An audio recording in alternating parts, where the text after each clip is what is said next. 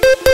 Makin gak sabar kaula muda ngeliat comebacknya Blackpink. Karena setelah comeback mereka ini bakalan menggelar tour dunia nih. Rencananya bakal start di 15 Oktober 2022 di Seoul, Korea Selatan Sampai 21 Juni 2023 di New Zealand. Itu terakhir ya. Dan nanti mereka bakalan melanjutkan konser di Amerika Utara, Eropa, Asia, dan Australia. Wah, dari Asia ke Australia. Cakep. Bukan pantun, Bella. Oh sorry. Maksud gua melintasi Indonesia. Masa iya nggak mampir ke Indonesia? Kabar baiknya, mereka bakal mampir nih Ram. Di tanggal 11 Maret 2023 Kaula Muda.